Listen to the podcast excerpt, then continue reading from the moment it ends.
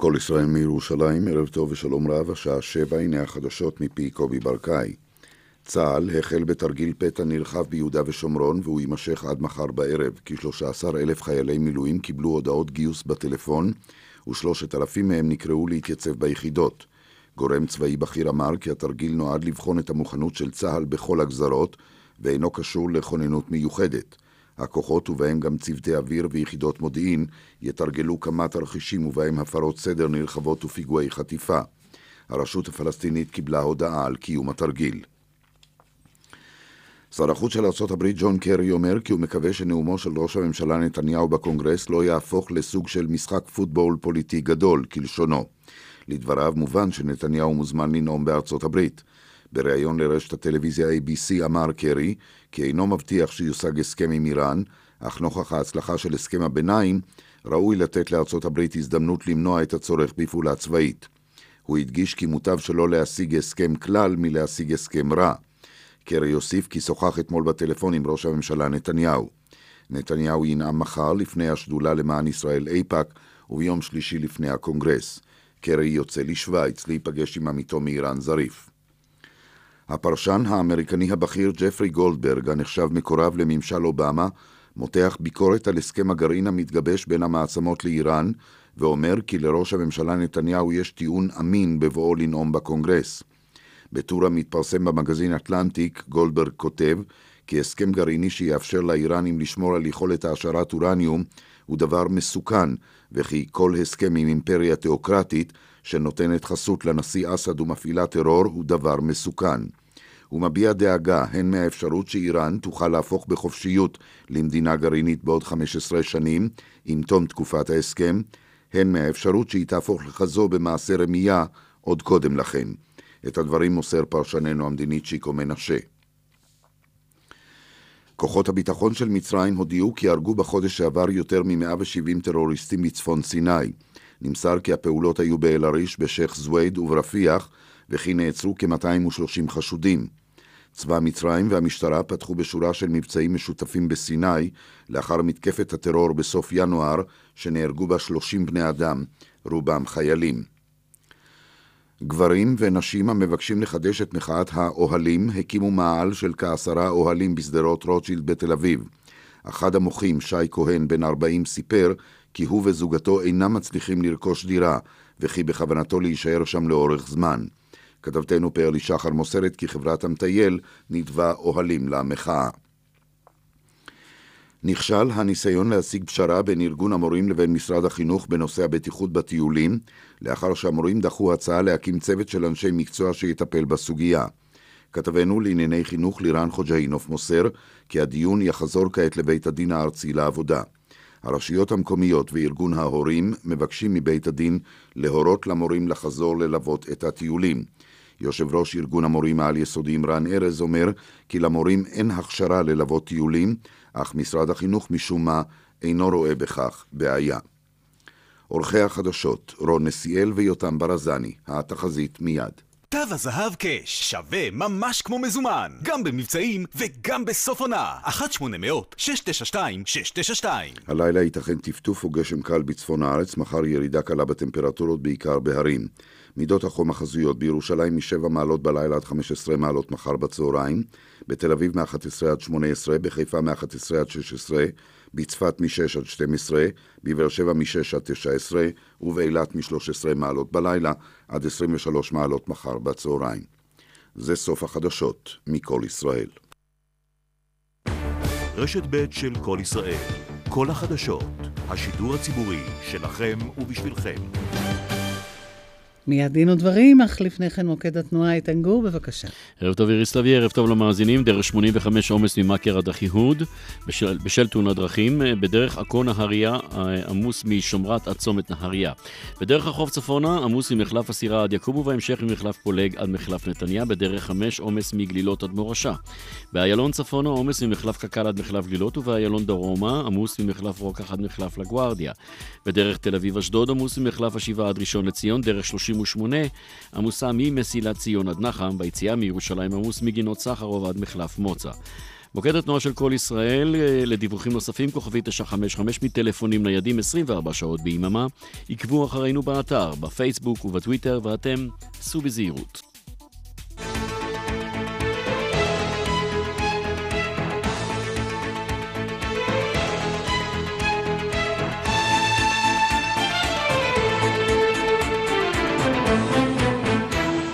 דין ודברים על חוק ערכים ודמוקרטיה ומה שביניהם עם משה נגבי. שלום לכם, עורכת התוכנית אורית ברקאי בהפקה דפנה אברהם, טכנאי השידור משה לוי, כאן ליד המיקרופון משה נגבי ואיריס לביא.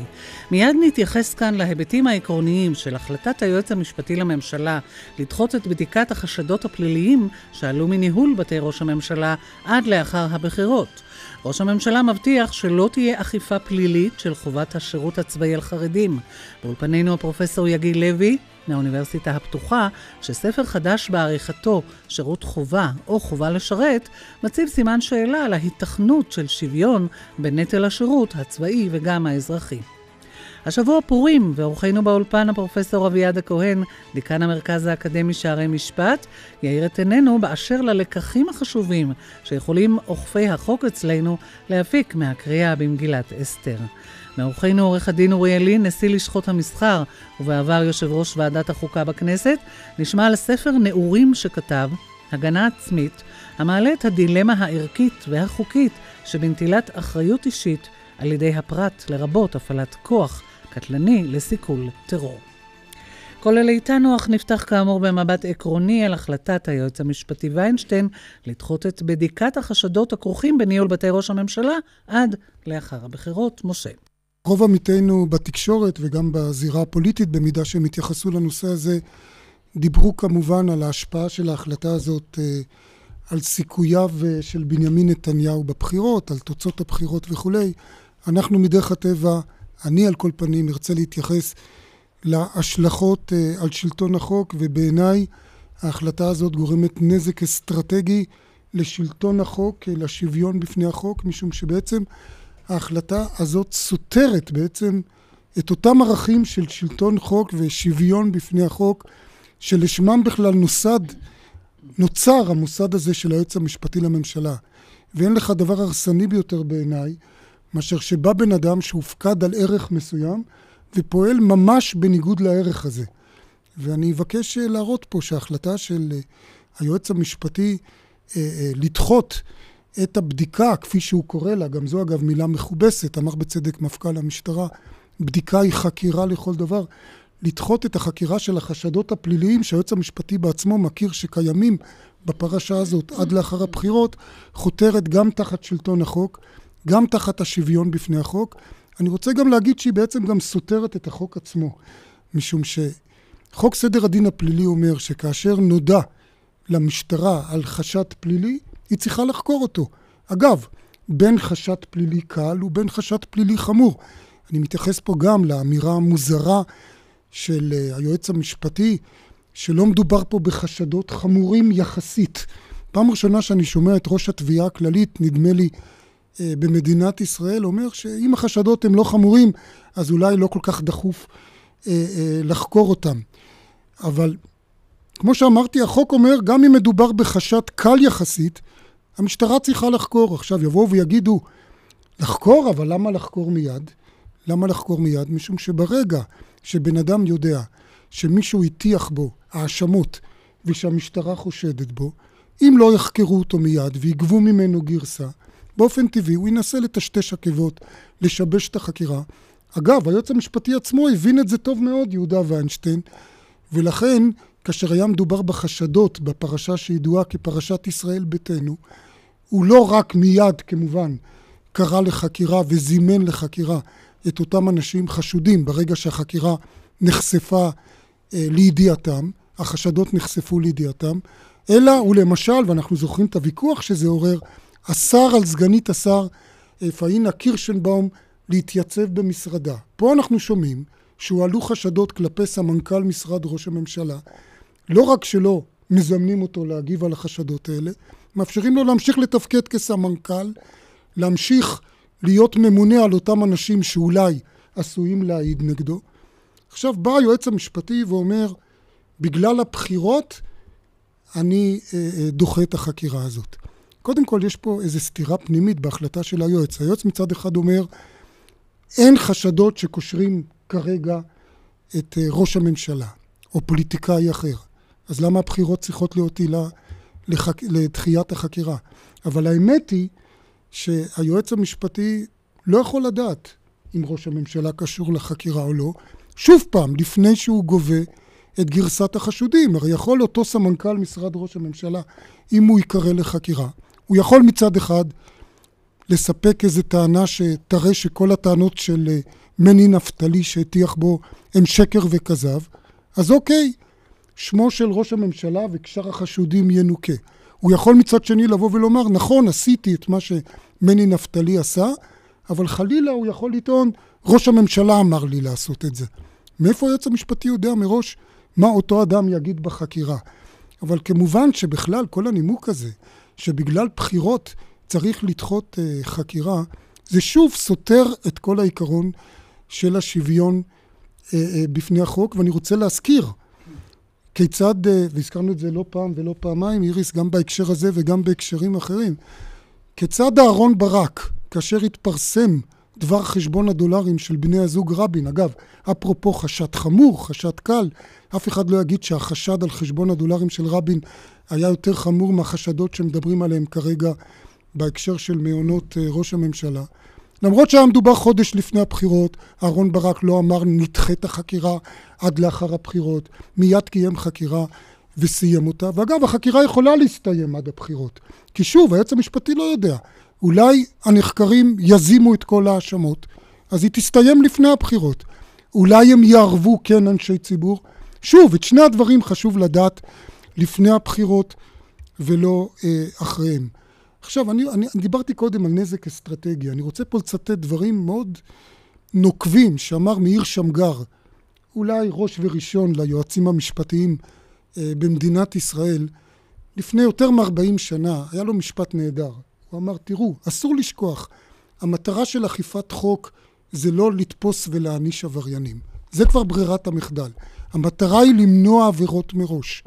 ולא תהיה מניעת עבירות אם הציבור לא יאמין בניקיון הכפיים ובשוויוניות של אה, אכיפת החוק. ובדיוק באינטרס הזה, לצערי הרב, היועץ המשפטי חיבל. ועוד הערה אחת קטנה לפני שאני אתן לחברים הנכבדים פה אה, אה, לומר את שלהם. אני שואל את עצמי, איך זה קורה? פתאום אנחנו מגלים שאותו סמנכ"ל במשרד ראש הממשלה, אנחנו פתאום שומעים שבשנות ה-80 הוא בכלל הורשע בשוחד, ועכשיו פתאום זה מתגלה. אני שואל את עצמי, איך הגענו למצב שאדם שהורשע בשוחד הופך להיות אחר כך סמנכ"ל משרד ראש ממשלה, סמנכ"ל כספים עוד במדינת ישראל. גם זה דבר שהוא צריך מאוד להטריד. אה, פרופסור אביעד הכהן, איך אתה רואה את הסוגיה? אני לצערי לא מסכים איתך בנקודה הזאת. אני חושב שאסור, קודם כל צריך לומר את הדבר הברור מאליו, חקירה צריכה להתנהל ובדיקה צריכה להתנהל וצריך למסות אותה עד תומה. אבל דווקא בגלל הדבר הזה אסור שחקירה תונה משיקולים פוליטיים כאלה אחרים. ואני רוצה להדגיש, גם אם היה מדובר כמובן בראש אופוזיציה, בראש כל מפלגה או בכל אישיות פוליטית. חקירה צריכה להתנהל על פי השיקולים הענייניים שלה עצמה. אני גם רוצה להזכיר שהחלטה כזאת לא מתקבלת על ידי היועץ המשפטי לממשלה לבדו. יש צוות שלם בפרקליטות שעובד על הפרשה הזאת, כולל פרקליט המדינה, כולל אנשים נוספים, וכנראה שבעניין הזה דווקא הייתה תמימות דעים, וצריך לזכור מה היו הנימוקים של היועץ המשפטי לממשלה. אתה הזכרת חלק מהם, משה, אבל אני חושב שדווקא הנימוקים האלה, תאר לך שהיו מסיימים את החקירה תוך יומיים, ואומרים שראש הממשלה נקי. האם מישהו היה קונה את הדבר הזה? היו אומרים, אה, זה בטח טיוח של החקירה. תאר לך שהיה קורה הדבר הפוך, והיו אומרים, לא, ראש הממשלה באמת אה, נחקר פלילי והוא צריך אה, לפנות את מקומו אפילו כעומד בראש הרשימה. שוב היו אומרים, יש כאן הטעיה פוליטית. במילים פשוטות, מה שצריך לעשות זה דבר מאוד פשוט. צריך לחקור את הדברים בצורה עניינית. היועץ מדגיש, לגבי הנושא של שיבוש הליכי משפט או טשטוש ראיות, הפרשה הזאת כבר מתגלגלת הרי חודשים, בוודאי שבועות. אז אם מישהו היה רוצה לטשטש את הראיות, כבר היה עושה את זה מזמן. לא אם יפתחו את החקירה היום או, או מחר, זה מה שיעזור לדבר הזה. בסופו של דבר, מה שצריך לעשות ולוודא, ופה בוודאי אני מצטרף לדברים שלך, לדברים הנוקבים שלך, חקירה צריכה לעשות בשיקולים ענייניים, צריך למצות אותה עד תומה, בלי קשר לשאלה מי הוא הנחקר, כולם שווים בפני החוק. ואת הדבר הזה כולנו אה, נוהגים לומר, לא תמיד אנחנו עושים את זה. אני רק רוצה לומר שאין הנדון דומה לראייה, הפרשה של פאינה קירשנבאום צריך לזכור, זו פרשה שנחקרה חצי שנה עם עשרות אנשים, כולל מעקבים סמויים, כולל עדי מדינה שכנראה יהיו. זו פרשה שונה לחלוטין מהפרשה הזאת, גם סוג העבירות, גם המורכבות של הדברים, ולכן אני חושב שאי אפשר להשוות במקרה למקרה. אני רוצה לקוות, וזה דבר שאני כן אה, נוטה לומר, שאנשי הפרקליטות, שוב, זה לא רק היועץ, יש להם בסך הכל שיקול דעת, אנחנו לא תמיד מסכימים איתם, אני לא פעם מעביר עליהם ביקורת, אבל הם פועלים מתוך יושר ויושרה, אני לא חושב שהשיקול הפוליטי הוא זה שעמד בראש מעייניהם, יכול להיות שהם טעו, בוודאי יכול להיות שהם טעו, אנחנו נהיה אולי חכמים לאחר מעשה, אבל אני לא חושב שזה המקרה שבו היו חייבים לפתוח בחקירה, שיכול להיות שהיא לא תסתיים, ואז אתה משאיר את הדברים תלויים באוויר, החקירה הזאת תסתיים, תמוצה, אבל לעשות את זה דווקא שבוע לפני הבחירות, אני לא בטוח, דווקא מי שרוצה שתהיה חקירה כמו שצריך, אני לא בטוח שזאת התשובה לבעיה שאתה מעלה. עורך דין אוריאלין, כבר הזכירה איריס, אתה היית יו"ר כן, ועדת החוקה, ואני, ואני זוכר את פועלך אז בתקופה שידועה כתקופת התרגיל המסריח, אפשר לומר בעקבות התרגיל המסריח וההפגנות, מושחתים נמאסתם וכולי. מיד נשמע את ההתייחסות שלך לפרשה הספציפית, אבל מעבר לזה, איך אתה מרגיש עם העובדה? אתם אז העברתם חקיקה מאוד חשובה, מאוד עקרונית, שנועדה בעצם להרחיק מושחתים אה, מהזירה הציבורית אה, וכולי, והנה אנחנו עומדים היום, אה, די, די מדהים לחשוב על זה, 25 שנה אה, לאחר אותו תרגיל מסריח, ולמשל אדם כמו אריה דרעי, שהורשע בשוחד, שוב נמצא בלב הזירה הציבורית, וגם אחרים, אתה לא מרגיש שמעשי ידיך טבעו בים? לא, תראה, משה, קודם כל, זה עוד חודש. אה, תודה. אה, אני נגעת בכמה נקודות, אני באמת אגע בכמה נקודות בתמציתיות רבה. קודם כל, אנחנו עסקנו בנושא של שחיתות פוליטית. הווי אומר, אדם לוקח קולות ממפלגה, לא קולות שניתנו לו אישית, הם כן. ניתנו למפלגה שלו. ולאחר מכן, תמורת טובות הנאה אישיות, הוא לוקח מסה של קולות ומעביר למפלגה הנגדית. זוהי שחיתות פוליטית במלוא מובנה, ובוא נאמר, זה היה מותר על פי החוק. כן. ואנחנו חיסלנו את זה, זה היה אוקיי. קלנטריזם טהור, חיסלנו את זה. ספק. אנחנו עכשיו מדברים בסוגי שחיתויות אחרים. אוקיי. אז קודם כל אני יכול להגיד לך שאני מסכים איתך לחלוטין. במדינת ישראל נעשה דבר חמור מאין כמוהו, ויש לזה יותר מדי הרבה שותפים. זה שמוכנים היום לקבל, לתת לגיטימציה לשר שהורשע בנטילת שוחד, ואפילו לטפח אותו בישיבות ובוועידות ובכנסים ובתקשורת כאישיות פוליטית לגיטימית בישראל. וכמעט אין כמעט ראש מפלגה שמסתייג ממנו, אולי אני יכול למחוק גם את הכמעט. אולי מסיבות, אבל אני לא מדבר רק על מפלגות, אני מדבר כן. גם על אמצעי תקשורת, ואני מדבר גם על מוסדות מכובדים שמעניקים לגיטימציה לשר שהורשע בנטילת שוחד. לדעתי זו הידרדרות של רמת הנורמות האתיות במדינת ישראל, חבל מאוד. אשר לעניין היועץ המשפטי, אני בדרך כלל בעיקרון שצריך הכל לחשוף לפני הבחירות, ובחירות לא צריכות להוות סיבה למה לא לחשוף, אלא אולי ההפך. אבל בעיקרון כאן אני רוצה להגיד לך, לא קראתי את ההנמקות של היועץ המשפטי לממשלה, משום כך אני אומר, אני חייב לבדוק את ההנמקות שלו. מעבר לזה, אני מניח שהוא חשש שבו ייקחו דבר שאולי הוא באמת לא מספיק חמור, והתקשורת תנפח את זה כדבר שהוא שימוש פוליטי ברור נגד ראש הממשלה. אני מעריך שזה היה החשש שלו. עד כאן uh, בדברים האלה, והשבוע חג פורים. אנחנו רוצים לפנות אליך שוב, פרופ' אביעד הכהן, דיקן המרכז האקדמי שערי משפט, ומי שמצוי גם uh, בחגי ישראל, ואתה בעצם אומר שגם אוכפי החוק אצלנו יצאו נשכרים מן הקריאה במגילת אסתר. אולי המשטרה, אתה מתכוון.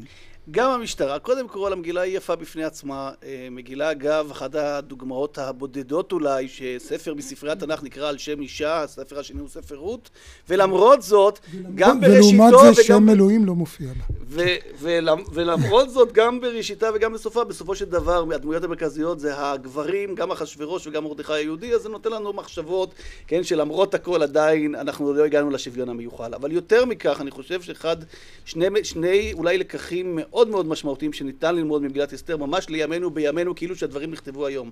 אחד זה הדבר של השרירות, אחשוורוש מתנהג בצורה שרירותית לחלוטין, הוא מצווה שיקבצו נערות אל ארמונו ארמונו בה' ופשוט נוהג בשרירות כטוב לב המלך ביין, הוא אומר תעשו ככה תעשו אחרת, בית המשפט העליון השופט מישאל חשין השתמש בדוגמה הזאת באחד המקרים כאשר הוא רצה להראות שרירות מהי. הנושא השני הוא, אבל והוא אביעד בעיניי, צריך לתת מחמאה לרעייתו של אחשוורוש. אז פה אני מגיע לזה, תודה. יפה מאוד. תודה. אז פה אני מגיע לדבר השני, והוא הנושא של החפצת האישה.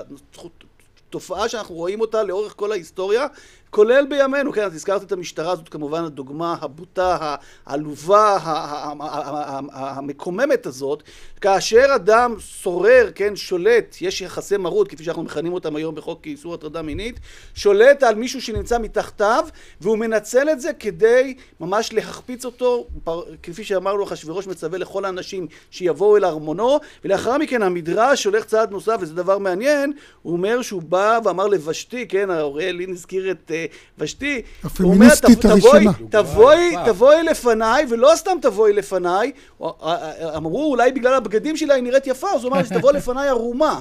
אמרו, היא ביקשה, אבל לא רק זה, הוא היא רצה להראות אותה לאחרים. להראות העמים והשרים את יופייה, שוב זה מזכיר לנו כל מיני תחרויות יופי שלוקחים נשים והופכים ל- לחפץ, שוב הנושא הזה של ההחפצה, והתשובה לדבר הזה כמובן שוושתי הייתה אולי הפמיניסטית הראשונה, התנגדה לזה בכל תוקף, היא כמובן נענשה, אבל שוב הדבר הזה אני חושב שהיא סימלה, היא פרצה דרך לנשים אחרות, גם אסתר צריך לומר שבהתחלה באמת התנהגה בצורה פסיבית לחלוטין, אנחנו לא שומעים אותה מדברת, לוקחים אותה. בתהילה ככה אסתר, כן, היא, פסיבית לחלוטין, באיזשהו שלב היא עוברת מטמורפוזה, היא עוברת שינוי, ואז היא הופכת להיות אקטיבית ועומדת על דעתה, והדבר הזה שוב מראה כמובן, שוב, את התופעה הזאת שאנחנו מכירים אותה גם בימינו, אבל גם את הכוח ששינוי יכול לחולל, במידה ואתה אכן מחולל אותו.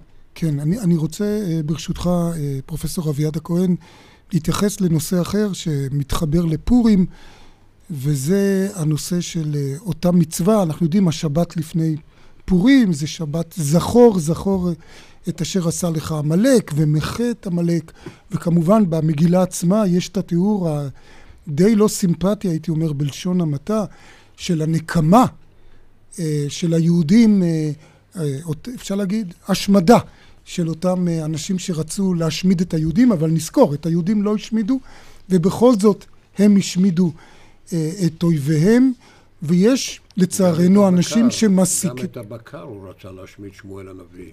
כן, לא. ויש יש כאלה שמנסים לתת לזה, להפוך את זה ממש למצווה, למדים מכך שמצווה עלינו להשמיד ללא רחם את כל העמלקים, דהיינו את כל מי שעמים שהם כביכול או לא כביכול עוינים את העם היהודי.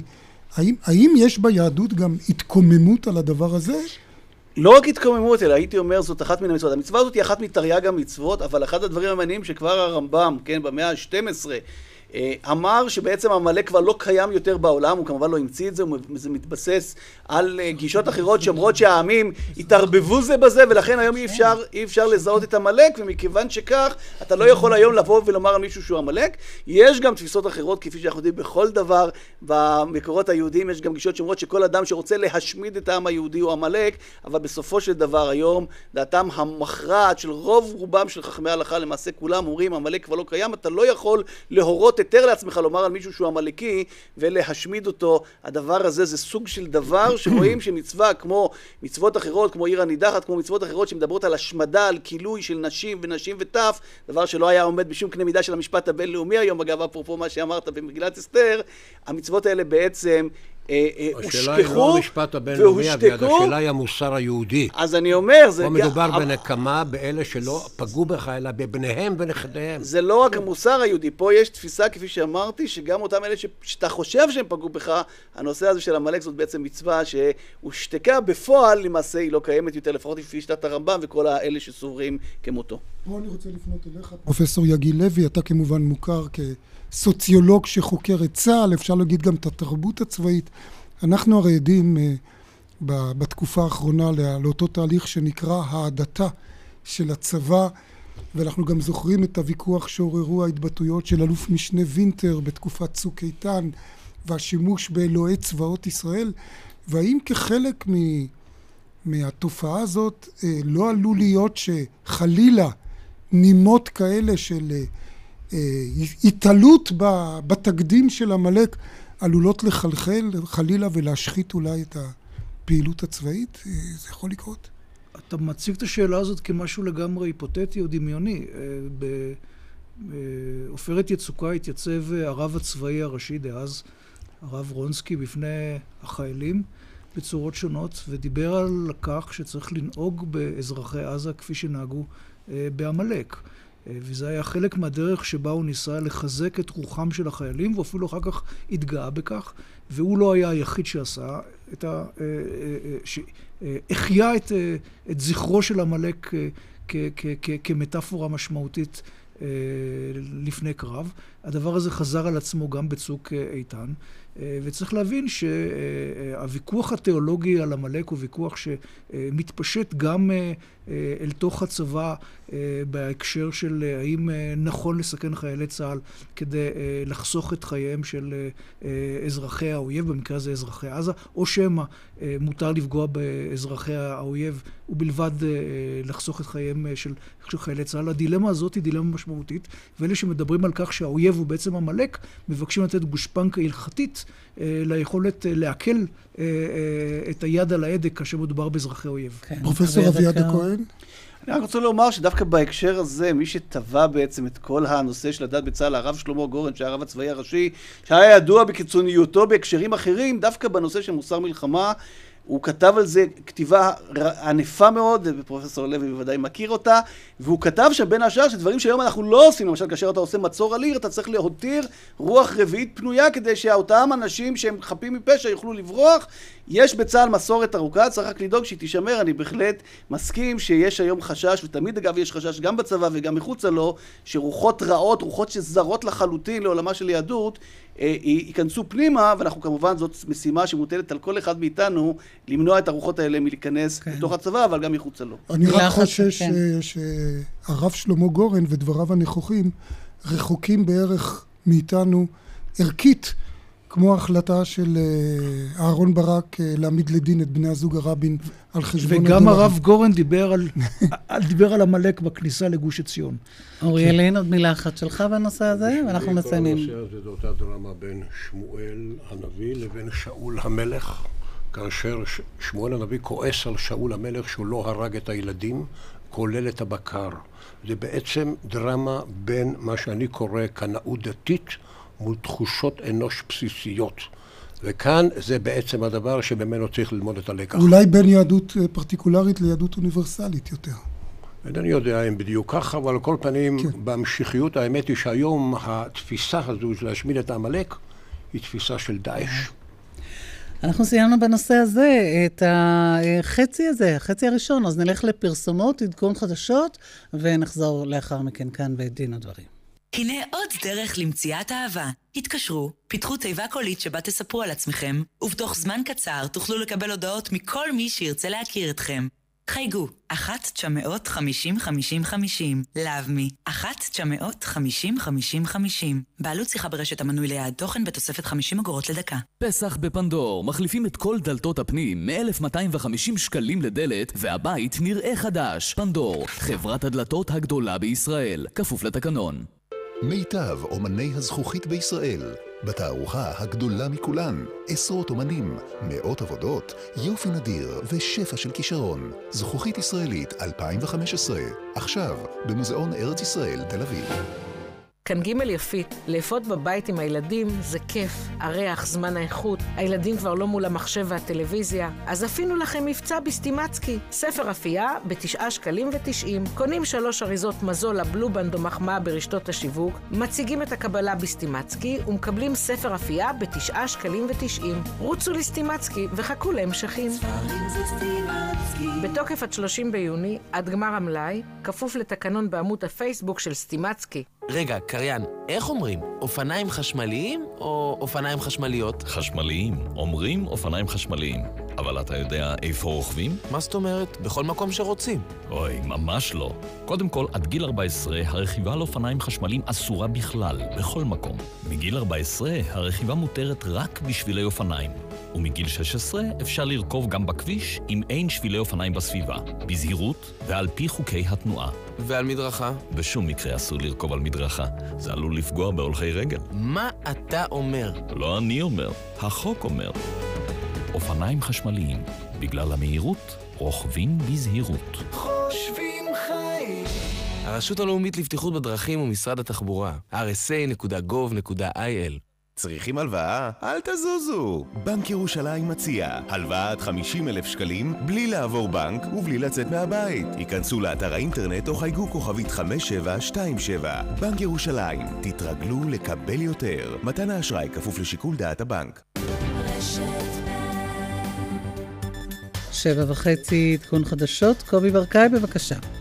תודה לך איריס לביא, שלום למאזינים. הנה העדכון, צה"ל פתח בתרגיל פתע נרחב ביהודה ושומרון ויימשך עד מחר בערב. שר החוץ קרי מביע תקווה שנאומו של ראש הממשלה נתניהו בקונגרס לא יהפוך למשחק פוטבול פוליטי כלשונו. בעל הטור האמריקני ג'פרי גולדברג מותח ביקורת על ההסכם המתגבש עם איראן ואומר כי לראש הממשלה נתניהו יש טיעון אמין בבואו לנאום בקונגרס. כוחות הביטחון של מצרים הודיעו כי הרגו בחודש שעבר יותר מ-170 פעילי טרור בצפון סיני. בשדרות רוטשילד הוקמו כעשרה אוהלים במסגרת ניסיון לחדש את מחאת האוהלים.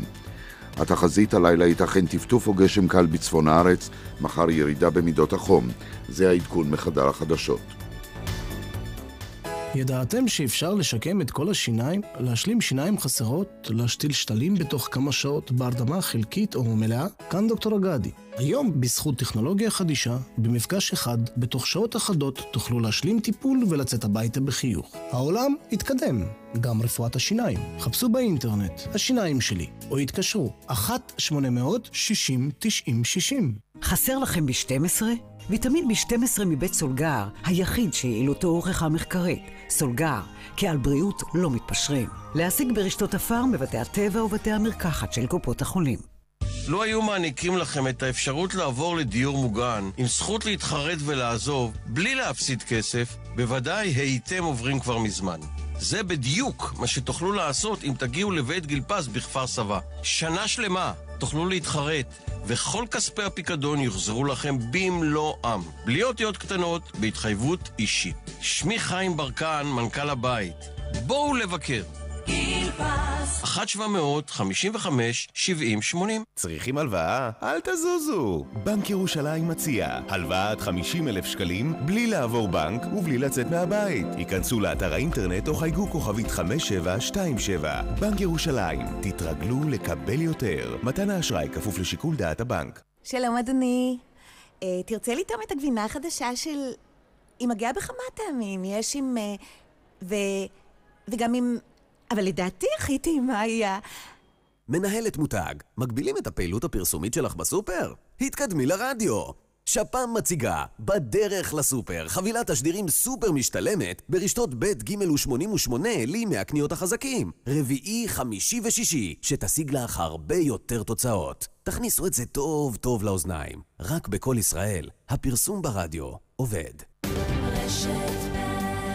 אנחנו כאן בדין ודברים. שירות חובה או חובת השירות? זו כותרת הספר שערכת פרופסור יגיל לוי מהאוניברסיטה הפתוחה, ועוסק באופציה של הטלת חובת שירות גורפת, צבאי או אזרחי, על כלל אזרחי ישראל. האם בהכירנו את המצב זה בכלל אפשרי? הספר הזה הוא uh, תוצאה של uh, ניסיון uh, להציב תרחיש. ולאו דווקא לעשות, לחזות משהו ריאלי. והתרחיש אמר כך, נניח לרגע שהחזון שאותו פרס רב-אלוף גבי אשכנזי בשנת 2009 התממש, ולפיו כל מי שלא יגויס לצבא או יופטר משירות צבאי בנסיבות כאלה אחרות, ללא הבדל דת, גזע, מין, מגדר אה, וכדומה, אה, תוטל עליו חובת, או עליה חובת אה, שירות אה, אזרחי מלא, וזה כדי לממש את מה שגבי אשכנזי ואחרים ראו כחזות הכל, שזה שוויון בנטל. ואז כינסנו שורה של מומחים ושאלנו אותם שאלה פשוטה, בואו ננסה לראות מה יקרה אם אכן תהיה חובת שירות אזרחי בישראל, מה, מהן ההשלכות של מהלך כזה. וצריך לא לומר ולהדגיש באופן אינסטינקטיבי, כל מי שאנחנו שואלים אותו על שירות אזרחי רחב, תשובתו המיידית היא שמדובר ברעיון טוב וחיובי, שהרי הוא מקדם את הערך הזה שנתפס כערך חיובי בתרבות הפוליטית הישראלית של שוויון בנטל. ואילו בספר הזה שלפנינו, שישה מאמרים מהיבטים שונים, מבלי שהוזמנו מראש והשפענו על תוכנם, מציגים כיצד הרחבה ניכרת של השירות האזרחי, ובוודאי החלתו כחובה, תיצור השלכות שליליות ואפילו תסכל את המטרות שלמענם או לתכליתן נחקק, יחקק או, או ייאכף מהלך כזה. באיזה אופן אתה יכול להצביע? אני יכול לתת כמה וכמה המחשות לעניין הזה. למשל, כאשר ניסינו להסתכל על מהלך כזה מתוך השוואה עם גרמניה, שהטילה חובת שירות אזרחי על מי שפוטר משירות צבאי כבר בשנים שלאחר מלחמת, מלחמת, העולם, מלחמת העולם השנייה, גילינו שלאורך זמן השירות האזרחי בעצם הפך לזנב שמקשקש בכלב. כלומר, שירות החובה הוא ערך גם כשלא היה בו, וקובע גם כשלא היה בו צורך, ובלבד שלא לבטל את השירות האזרחי, משום שביטולו של השירות האזרחי נתפס כמהלך שיפגע אנושות בשירותים האזרחיים שהוזנו מתוך, ה, מתוך אותו שירות אזרחי. מצד שני, אתם גם על זה, יש מאמר שמראה את זה בספר, יש סכנה שאם יהיה שירות אזרחי אוניברסלי כזה לכולם, זה יפגע בתעסוקה, כי אולי אותם אנשים שישרתו בשירות האזרחי יתפסו מקומות עבודה של אנשים, ואנחנו יודעים שגם ככה יש לנו בעיה אולי או סכנה של אבטלה במדינת ישראל. אנשים, אנשים ממשרד העבודה, ממשרד הכלכלה, סליחה, עשו ניתוח עומק של העניין הזה, והגיעו למסקנה שהחלתו של שירות אזרחי כשירות חובה תציף את שוק העבודה ב-90 אלף עובדים. העובדים האלה חלקם בלתי מיומנים ועשויים לתפוס את מקומם של עובדים מיומנים בשכר, כלומר יהיה כאן תהליך של זחילה. והתוצאה היא בעצם הוצאה של שוק העבודה משיווי המשקל שלו. ולכן ההמלצה שלהם הייתה שאם אכן יורחב השירות האזרחי, מן הראוי להרחיב אותו כך שלא תחצה תקרה של כ-30 אלף עובדים, כבר היום אנחנו יודעים כ-15 אלף משרתים בשירות האזרחי, אז לכל יותר להכפיל את המספר הזה, זה יאפשר אה, לשוק לקלוט את האנשים מבלי לפגוע בעלויות השכר, מבלי להציף את השוק באנשים בלתי מיומנים. אבל זה, אבל אם, אם יסתפקו רק באותה תקרה, אז אנחנו מחטיאים את המטרה העיקרית של שוויון בנטל. בוודאי. כי... אתה לא תוכל לגייס את כולם לשירות. בוודאי, המסקנה, המסקנה שלנו... אני לא הבנתי מה האופי של שירות החובה, איזה שירות זה, מה האופי שלו, מה הכוונה, מה עבודות... עבודות רגילות, מה? לא, הכוונה של שירות, הכוונה של שירות אזרחי כשירות חובה, היא שאנשים יבצעו תפקידים שונים, שאינם דורשים מיומנות מקצועית. כבר היום השירות האזרחי הוא שירות שבו אנשים משמשים, משמשים בתפקידי עזר במשטרה, בבתי החולים, בתפקידי סיוע בגן, בגן ילדים, תפקידי, תפקידי אה, סיעוד אה, אה, שונים ו, ו, וכדומה. אה, הניסיון הגרמני מלמד שזה גם היה סוג העבודות שעשו אנשי השירות האזרחי בגרמניה. וכאשר מחשבים את המספרים, מגיעים למסקנה בהחלט בעייתית. אבל כן, כפי שאתה אומר, משה, ובצדק, המסקנה שלנו גם מן הניתוח הזה וגם מניתוח של היבטים אחרים של הרחבה מופרזת של השירות האזרחי, היא שהרעיון הזה הוא רעיון בלתי מוצלח. ומן הראוי שהרחבה כזאת, אם תיעשה, תיעשה מה עם המגזר הערבי, שלא יכול לשרת ולא רוצה לשרת בצה"ל כצה"ל? אבל הוא גם לא רוצה לשרת בשירות אזרחי. משום שכפי שאנחנו יודעים היום, שירות האזרחי מהווה את אחד מן הסדינים, את, את, השירות האזרחי מהווה כבר, מהווה כבר היום אה, בהחלט דגל אדום מנקודת מבטו של, ה, של, ה, של, ה, של, ה, של, של, של המגזר הישראלי הערבי, mm-hmm. אה, עם התנגדות גורפת, ואין כל ספק שהכלה של שירות כזה אה, כ, כחובה תתקבל, תתקבל בהתנגדות ותיצור את, ה, את האפקטים הפוכים. ועל כן, גם בקרב האוכלוסייה הישראלית-ערבית, הנכון הוא, אם בכלל, לפעול להרחבה ראשית מוסכמת ובעת הדרגתית מאוד של שירות החובה. למשל, כבר היום יש לכך לפחות אפקט אחד חיובי, בכך שהשירות הזה מקיף יותר ויותר נשים, וזו בהחלט הזדמנות עבורם גם לצאת מהבית, גם להשתחרר במשהו מן הכבלים הערכים של ה... הסדר הפטריארכלי בקהילות הערביות, ואולי גם לרכוש מקצוע ולרכוש כישורים אחרים.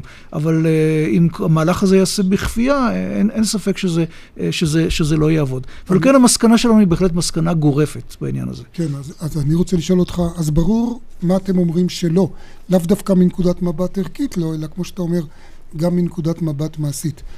אבל אז אני שואל אותך את השאלה הקשה, פרופסור יגיל לוי, אז איך בכל זאת שומרים על הערך החשוב הזה של שוויון? כי בכל זאת אני חושב, יש התקוממות מאוד חזקה שאנחנו חשים בה, ש, של באמת קיפוח של מי שמשרת הוא פראייר, איך, ו, ולכאורה אני חושב שהיה בזה אפיל מאוד חזק ברעיון הזה של שירות אזרחי אוניברסלי, כי כאילו באת ואמרת, בעצם למה חרדים צריכים להתנגד לעשות שירות אזרחי בשכונות שלהם, או הערבים צריכים להתנגד לעשות שירות אזרחי בכפרים שלהם, ואתה אתה, אתה עכשיו פתאום בא וטופח על פנינו, כלומר המחקרים שלכם, לא אתה אישית כמובן, ואז איך כן, או מוותרים על השוויון?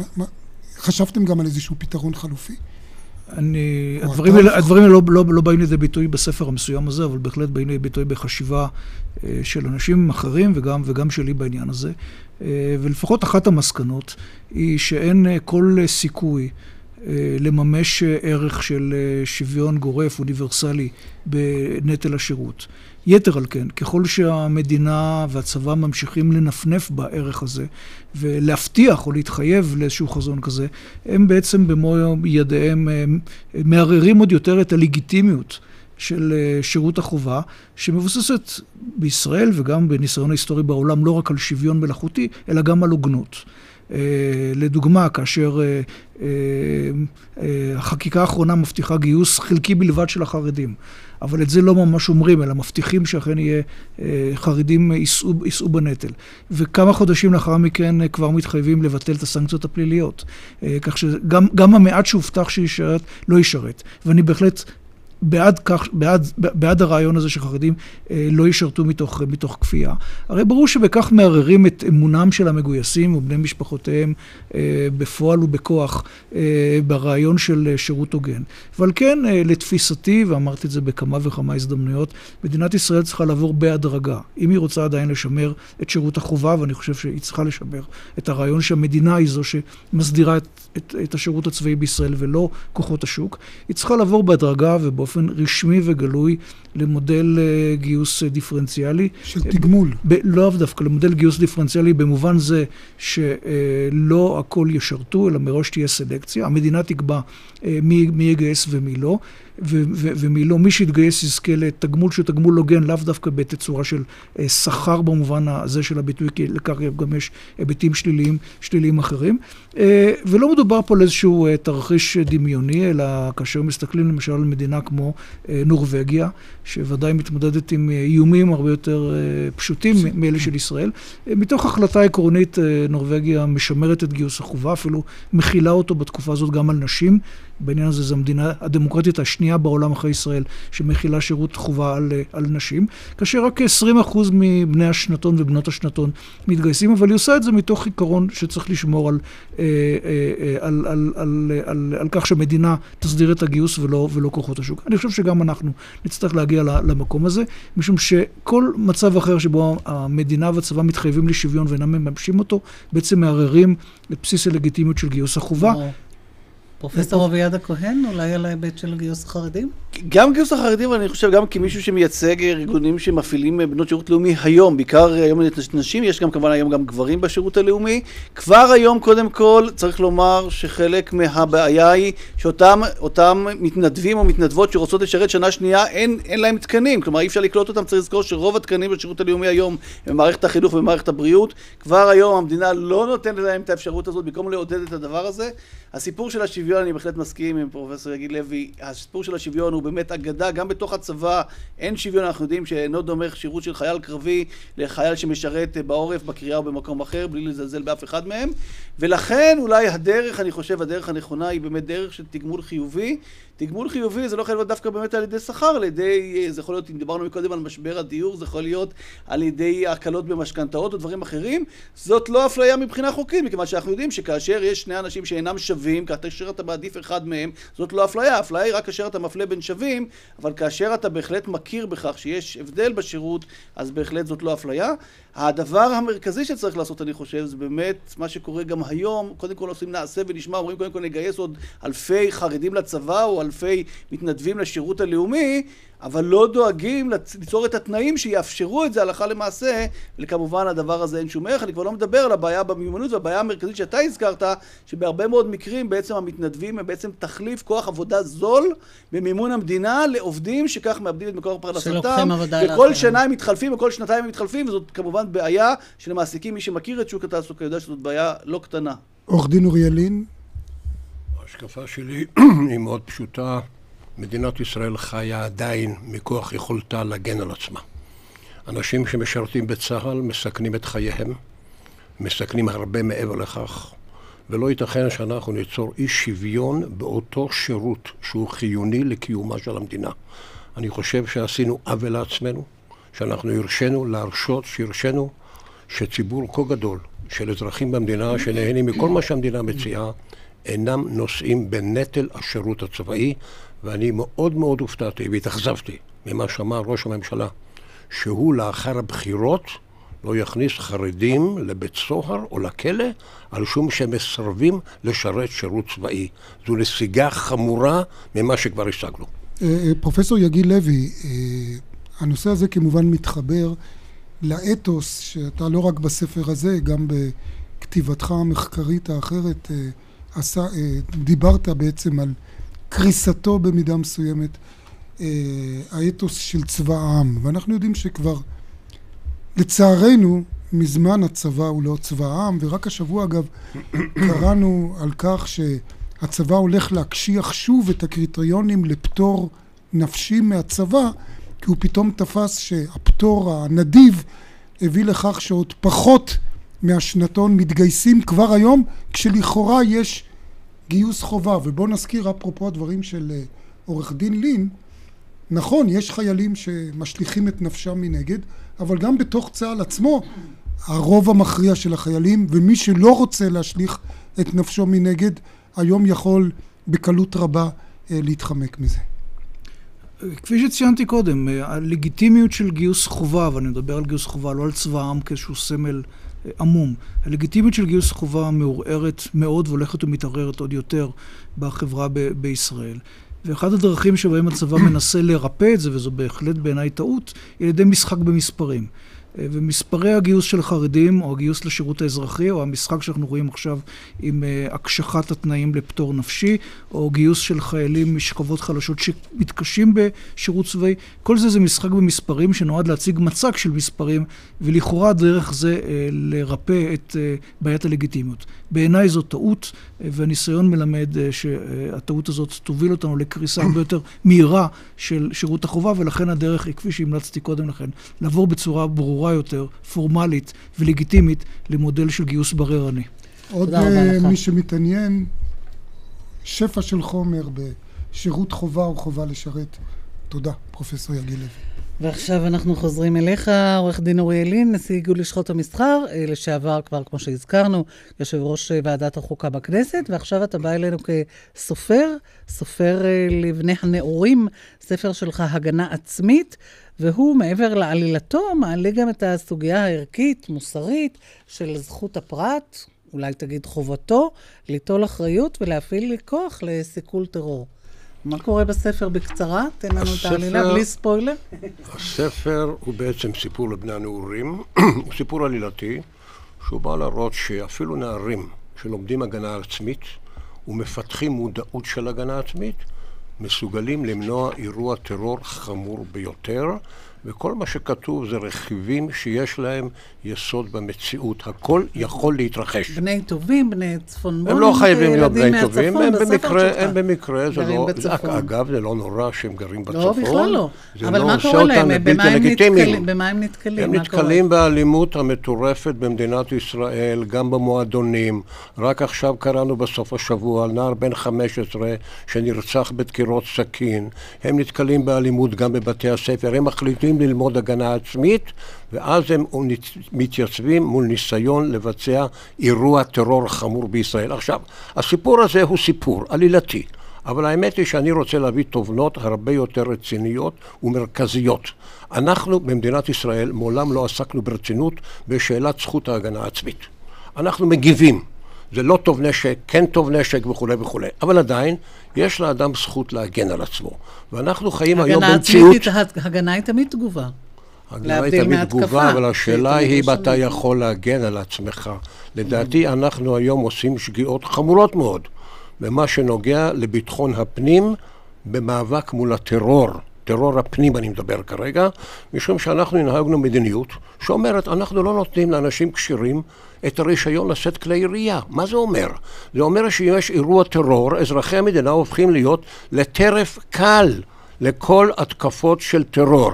אז יגידו לי, זה מסוכן, זה לא טוב שיהיו לאנשים כלי ירייה. נכון, ואני לא מדבר על כך שיהיו לכל האנשים כלי ירייה, אבל יש לנו אנשים רציניים, שירתו בשירות הביטחון. הם כשירים להשתמש בכלים הרבה יותר רציניים מאשר אקדחים.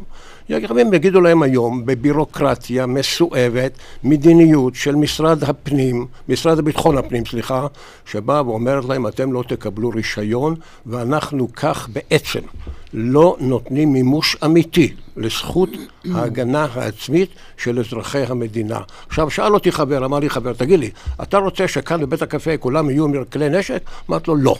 אני רוצה שלשניים יהיו כלי נשק, אלה שמסוגלים להשתמש בו, יודעים להשתמש בו ורוצים לשאת כלי ירייה, שהם יהיו אלה שיגנו גם אבל על אתה כל לא האחרים. חושש מתהליך מידרדר אה, שאקדח במערכה הראשונה יראה איכשהו בסוף?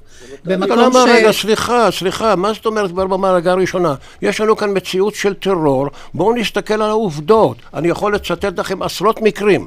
של מתקפות טרור שנגדעו, הטבח נגדע לא בגלל כוחות המשטרה, לא מנגד- בגלל כוחות מנגד הביטחון, יגידו לך- בגלל אזרח שבמקרה היה לו נשק והוא זה שמנע את הטרור, הוא זה שמנע את יגיד- הטבח. מנגד יגידו לך, מרלין, אני יודע מה שהיו גם מנגד. עשרות מקרים שבהם אדם שהיה לו נשק בבית רצח את אשתו, מה מקרים- שהוא לא יכול היה לעשות. היו מקרים, היו מקרים של אנשי אבטחה.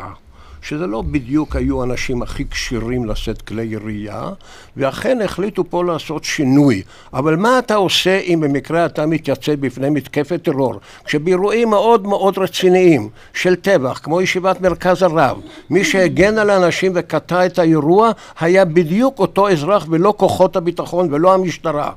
אנחנו בעצם, מה שאנחנו עושים במדינה, אני יודע, אני יודע שאנשים מיד יגידו לי שהם לא רוצים שיהיה הרבה כלי ירייה ולא יהיה פה מערב פרוע וכולי וכולי. אני לא מדבר שכל אחד... זה לא הוכיח. אני אומר שיש חשיבות רבה, ועלינו להבין את זה, שההגנה העצמית זה חלק, מרכיב לא נפרד. ביכולתנו להגן בפני הטרור, ואסור לנו להפוך את אזרחי המדינה לטרף קל. צריך להנהיג מדיניות נשיאת כלי ירייה שקולה. אני חושב שכיום. מדובר במדיניות כושלת ולא אחראית. פרופסור אביעד הכהן? אני בטוח שהספר שכתב עורך דין ליד הוא ספר מרתק, יד כישרונו הטובה עליו, אבל בעניין הזה אני חושב שאנחנו צריכים מאוד להיזהר. יותר אנשים במדינת ישראל נהרגו ונרצחו מאנשים, מה, מאנשים שהחזיקו כלי נשק, כולל נשים שכל שנה נרצחות בידי בני? זוגן, לא מאשר אנשים. מאשר אנשים שנרצחו בפעולות טרור, שאם היה לא, שם במקרה אתה מישהו... לא העובדות? העובדות, העובדות מדברות אוקיי. בעד עצמם, יש לנו נתונים סטטיסטיים, והדברים האלה, אני חושב שוב, ובמציאות, ובמציאות, טעות בהכירי, לא בהכירי את המציאות במדינת ישראל, ודיברנו קצת על העמלק מקודם, אני מאוד חושש שבמציאות הישראלית המתוחה, רוויית המתחים, ככל שיחזיקו. ככל, הוא כבר היום נשלף מהר, לא רק האקדח, ואוי. ואבוי לנו אם נגיע למצב שבו קורה כמו. בארצות הברית. רגע, מרלין, מרלין. אתה מוכן שיתקפו אותך? רגע אחד, ולא תהיה מסוגל להגן על עצמך או על המשפחה שלך? אני רוצה שמי שצריך להגן על אזרחי מדינת ישראל זאת משטרת ישראל וצבא מדינת לא ישראל. ולא אזרחי מדינת ישראל. אוי ואבוי לנו אם אה, אנחנו נשיל מעלינו את הסמכות הזאת. פרופסור יגיל לוי. דבריו של אה, פרופסור הכהן מקובלים עליי אחד לאחד. שתיים, באמת, אה, אה, אה, הפרטת תפוצת הנשק היא סוג של אמצעי לפירוק אה, סמכותה של המדינה. ושלישית, אה, אבל אה, מה עושה המדינה? ושלישית, את- את- המדינה, מציע- אל אני זה לא שוטר עמד. מאחורי גדר ולא אני ירה ירייה אני אחת. הטבח נמשך אני בפנים. מציע שנעסוק, אני, אי מצ... אפשר להתעלם אני מכך. מציע שנעסוק בחיזוק מנגנוני המדינה ולא בתפוצת. נשק פרטית. ושלישית, אני חייב לומר שבספר שלך יש גם סממנים מדאיגים של פולחן הכוח. למשל, אה, אותו סיפור של אה, יואב הנער שמתחמש ועושה אימון, אבל אין אימון לנו זמן בנשק, לזה. ומספר על החוויה הנהדרת אה, שעבר. זה כמו בסרטים, הוא אומר, מי שמחזיק באקדח תמיד חזק יותר, השיב יואב בהתלהבות. זה המסר זהו, שאתה רוצה רבותיי, להעביר. אנחנו סיימנו. כל השאר אה, בספרו של אה, אוריאל לין, הגנה עצמית. תודה לכל המשתתפים, לפרופסור אביעד הכהן. הוויכוח פה מתחמם ויימשך גם אחר כך. פרופסור יגיל לוי, עורך דין אוריאל לין, עורכת התוכנית אורית ברקאי, המפיקה דפנה אברהם, הטכנאי משה לוי.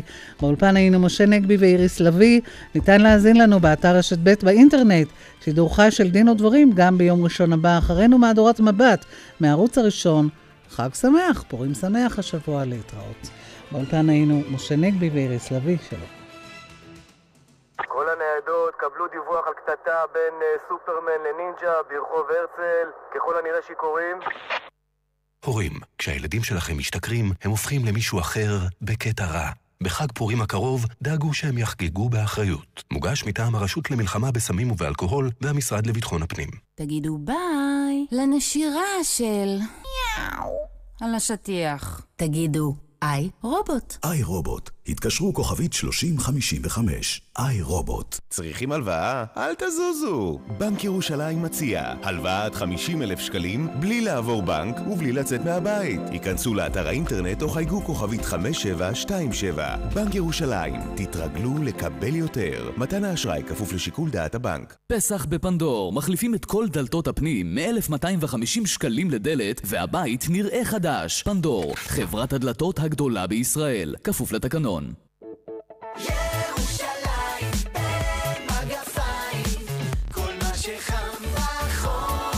בירושלים חם בחורף, בילויים אל תוך הלילה, הפתעות טעימות במבחר מסעדות, סיורי לילה ועוד, 25% הנחה במגוון בתי מלון. פרטים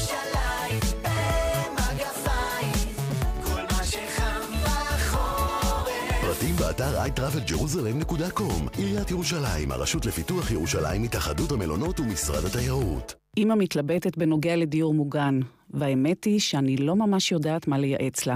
מצד אחד, זה הולך ונעשה יותר קשה להיות לבד, ומצד שני, לעבור לדיור מוגן זו התחייבות. צריך למכור את הבית. בית בכפר מציגה את שיטת הליסינג לדיור המוגן. תשלום חודשי בלבד, המאפשר להורים שלכם להשכיר את ביתם הישן ולשכור את הבית החדש שלהם בבית בכפר, בלי פיקדון, בלי התחייבות ובלי למכור את הבית. התקשרו, 1-800-30-70-70, בית בכפר. כפוף לתקנון. תגידו ביי לנשירה של חומי על השטיח. תגידו איי רובוט. איי רובוט, התקשרו כוכבית 3055. איי רובוט. שלום לכם, כאן יעקב אילון. לא לשכוח, הערב בשמונה אתם מוזמנים להצטרף אליי למהדורת מבט בערוץ הראשון. יהיה מעניין, וגם רואים HD.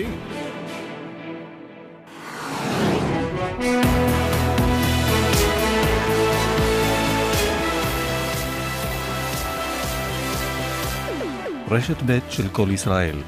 אנו עוברים עתה אל הטלוויזיה הישראלית, הערוץ הראשון, לשידור מהדורת מבט.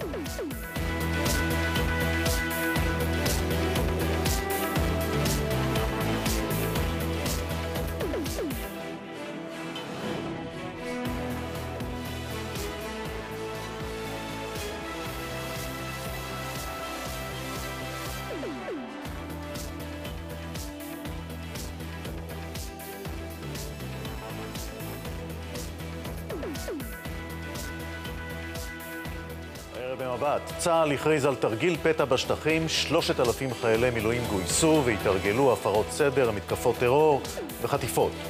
ראש הממשלה באוויר, בדרך לוושינגטון, ממשל אובמה כבר מכין לו קבלת פנים. We don't want to see this turned into some great political football. אני אעשה כל מה שביכולתי כדי להבטיח את עתידנו. ראשי מערכת הבריאות, בפנייה נואשת לפוליטיקאים, אתם מתעלמים מהפצצה המתקתקת.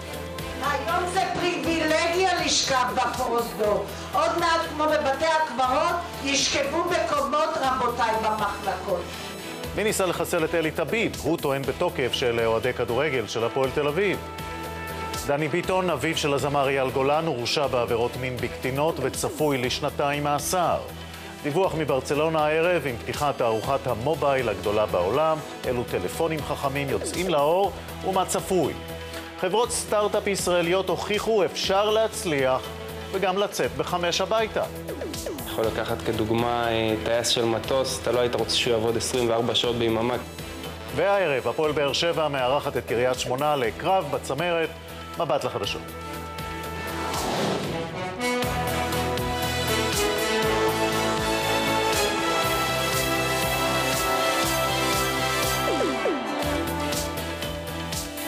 שלום לכם וערב טוב. ראש הממשלה בנימין נתניהו ינחת בוושינגטון בעוד כמה שעות למה שהוא מגדיר שליחות גורלית והיסטורית. מחר נאום באיפא"ק, מחרתיים בקונגרס, וכמו שמנהיג הרפובליקנים ג'ון ביינר אומר היום, הכרטיסים אזלו. כתבנו המדיני יאיר ויינרב מדווח תחילה. אני חש דאגה עמוקה וכנה לביטחונם של כל אזרחי ישראל, לגורל המדינה, לגורל העם שלנו.